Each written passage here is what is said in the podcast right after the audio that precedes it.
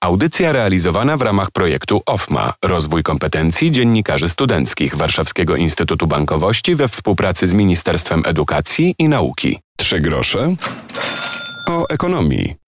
Dzień dobry, Piotr Topoliński. Cyfryzacja uczelni, zarządzanie uczelniami to główne tematy konferencji Lumen Leaders in University Management. Tak można ten skrót rozwinąć. Za nami dwa dni rozmów naukowców i przedsiębiorców o tym, jak się zmieniają uniwersytety. Uczelnie zmieniają się na naszych oczach, to zaznaczał profesor Łukasz Sułkowski, Uniwersytet Jagielloński, Społeczna Akademia Nauk wejście w kształcenie e-learningowe, hybrydowe, jako w tej chwili takie kształcenie dominujące, to jest zmiana powszechna, która następuje na całym świecie. Sposób zarządzania, który będzie miał charakter właśnie cyfrowy, zdalny, uwzględniający najnowsze metody związane z zarządzaniem cyfrowym, e, to jest wyzwanie, którym muszą sprostać uczelnie na całym świecie, również uczelnie e, polskie.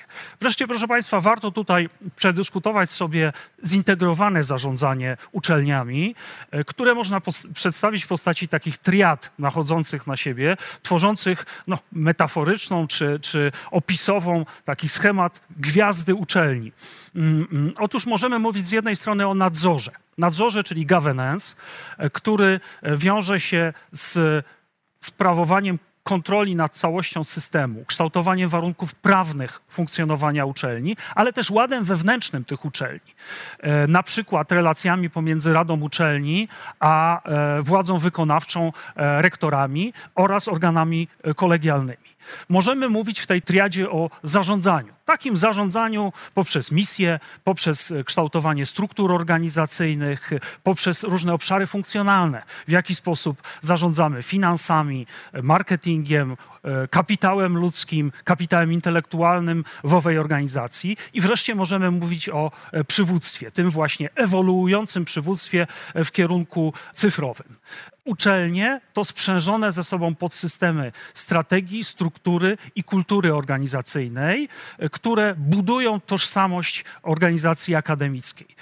Kształtowanie nowych strategii E, budowanie struktur, które pozwolą na realizację nowych zadań i dostosowanie do nich systemów wartości, to jest takie fundamentalne wyzwanie z punktu widzenia uczelni.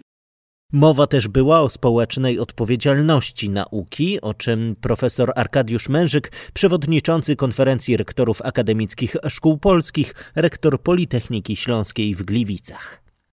To bardzo ważne, że w obliczu wielkich wyzwań dla systemu nauki szkolnictwa wyższego rektorzy, przedstawiciele ministerstwa, Fundacji Rektorów Polskich oraz wszystkich instytucji działających w otoczeniu szkolnictwa wyższego mają sposobność wymieniania poglądów i dyskusji nad zmianami, które nas czekają. No, warto podkreślić, że po raz kolejny dynamicznie zmieniająca się sytuacja pandemiczna sprawia, że w dalszym ciągu nie jesteśmy pewni, jak będzie wyglądało nauczanie w trakcie roku akademickiego. Należy zatem dyskutować nad nowymi narzędziami informatycznymi, metodami kształcenia, które umożliwią efektywne wykorzystanie technologii informacyjnych w celu budowania kompetencji przyszłych absolwentów uczelni niezbędnych im na zmieniającym się dynamicznie rynku pracy. Za moment będzie o międzynarodowych badaniach, a także o tym, które uczelnie są lepsze, jak je sprawdzać, ale o tym za moment. Trzy grosze o ekonomii.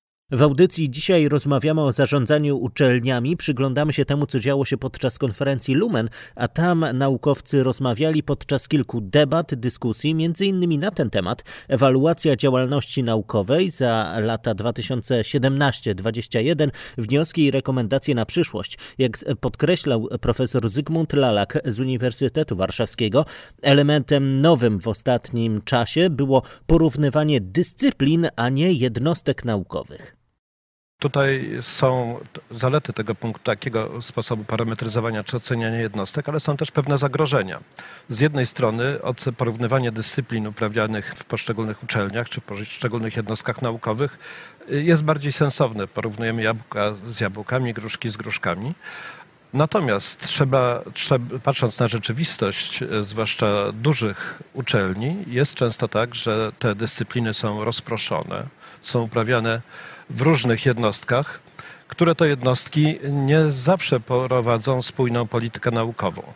ta niespójność jest też pewnym walorem, wprowadza pewną różnorodność, wprowadza pewne bogactwo tematyki badawczej. Każda jednostka, każda społeczność zgrupowana w danej jednostce naukowej ma pewne zasady, które zazwyczaj są tradycyjnymi zasadami uprawiania nauki, usankcjonowanymi różnego rodzaju historycznymi uwarunkowaniami, często także wielkimi sukcesami. I ta różnorodność daje taki efekt, że często mówiąc o dyscyplinie w dużej jednostce, takiej jak Uniwersytet Warszawski, a podejrzewam także Uniwersytet Jagielloński, mówimy tak naprawdę o pewnych średnich wartościach uśrednionych po bardzo zróżnicowanym środowisku. No, trzeba sobie zdawać sprawę, że ta sama dyscyplina na dużym uniwersytecie może być uprawiana nawet w dziesięciu jednostkach, zlokalizowanych w zupełnie innych punktach miasta, związanych trochę innymi wartościami, trochę innym punktem widzenia na uprawianie nauki. Tak jak powiedziałem, to jest pewna szansa. To bogactwo jest dużą szansą, natomiast łatwo te szanse zgubić przy tym procesie uśredniania. Za chwilę przyjrzymy się badaniom, które polskie uczelnie prowadzą wraz z innymi z innych krajów o umiędzynarodowieniu uczelni już za moment w audycji. Trzy grosze o ekonomii. Umiędzynarodowienie uczelni było jednym z tematów konferencji Lumen, podczas której naukowcy zastanawiali się, jak w nowoczesny sposób prowadzić uczelnie, które nierzadko są biznesem, ponieważ przez uczelnie, instytucje przypływa bardzo wiele pieniędzy. Ośrodki te współpracują z biznesem i o tym też było podczas konferencji. To, czy badania prowadzimy mniej lub bardziej międzynarodowo, w dużej mierze zależy od uczelni prowadzących projekt. To one muszą rozumieć, co robią i jakie mają potrzeby, podkreślała podczas jednego z paneli profesor Marta Kosior-Kazberuk, rektor Politechniki Białostockiej. Ważne jest, że zdarzają się ci zapaleni naukowcy, którzy sami potrafią stworzyć sobie warunki do współpracy naukowej z, ośrodkami zagranicznymi, nawiązują kontakty, są dostrzegani, są też zapraszani do zespołów, ale w pewnym momencie ta pomoc uczelni staje się konieczna na przykład przy rozwijaniu tego zespołu, przy organizowaniu staży, przy już takich konkretnych, bardzo operacyjnych działaniach. Ja także uważam, że najbardziej efektywne są przemyślane, wcelowane działania uczelni, to znaczy ocena własnego potencjału, wybór kandydatów, na przykład na te staże zagraniczne, i kierowanie ich do właściwych ośrodków. To również przemyślane zapraszanie profesorów wizytujących tak, w celu po pierwsze inspirowania własnej kadry, ale też i pokazania własnego potencjału, bo te mniejsze regionalne uczelnie także mają potencjał w wybranych y, dziedzinach. Często to są y, zupełnie unikalne y, dziedziny. Oczywiście za tym wszystkim jeszcze stoi wymóg środków finansowych do tych wszystkich działań. No i tutaj też to już należy do uczelni podjęcie trudu zdobywania środków na finansowanie działań w kierunku międzynarodowienia. Że warto rozważyć też znaczenie dziedziny, czy też dyscypliny, w której prowadzone są e, badania. Ja akurat reprezentuję uczelnię techniczną, co w moim odczuciu ułatwia umiędzynarodowienie badań, bo nauki techniczne no, nie mają ojczyzny, są uniwersalne. Myślę, że tutaj zdecydowanie łatwiej o umiędzynarodowienie.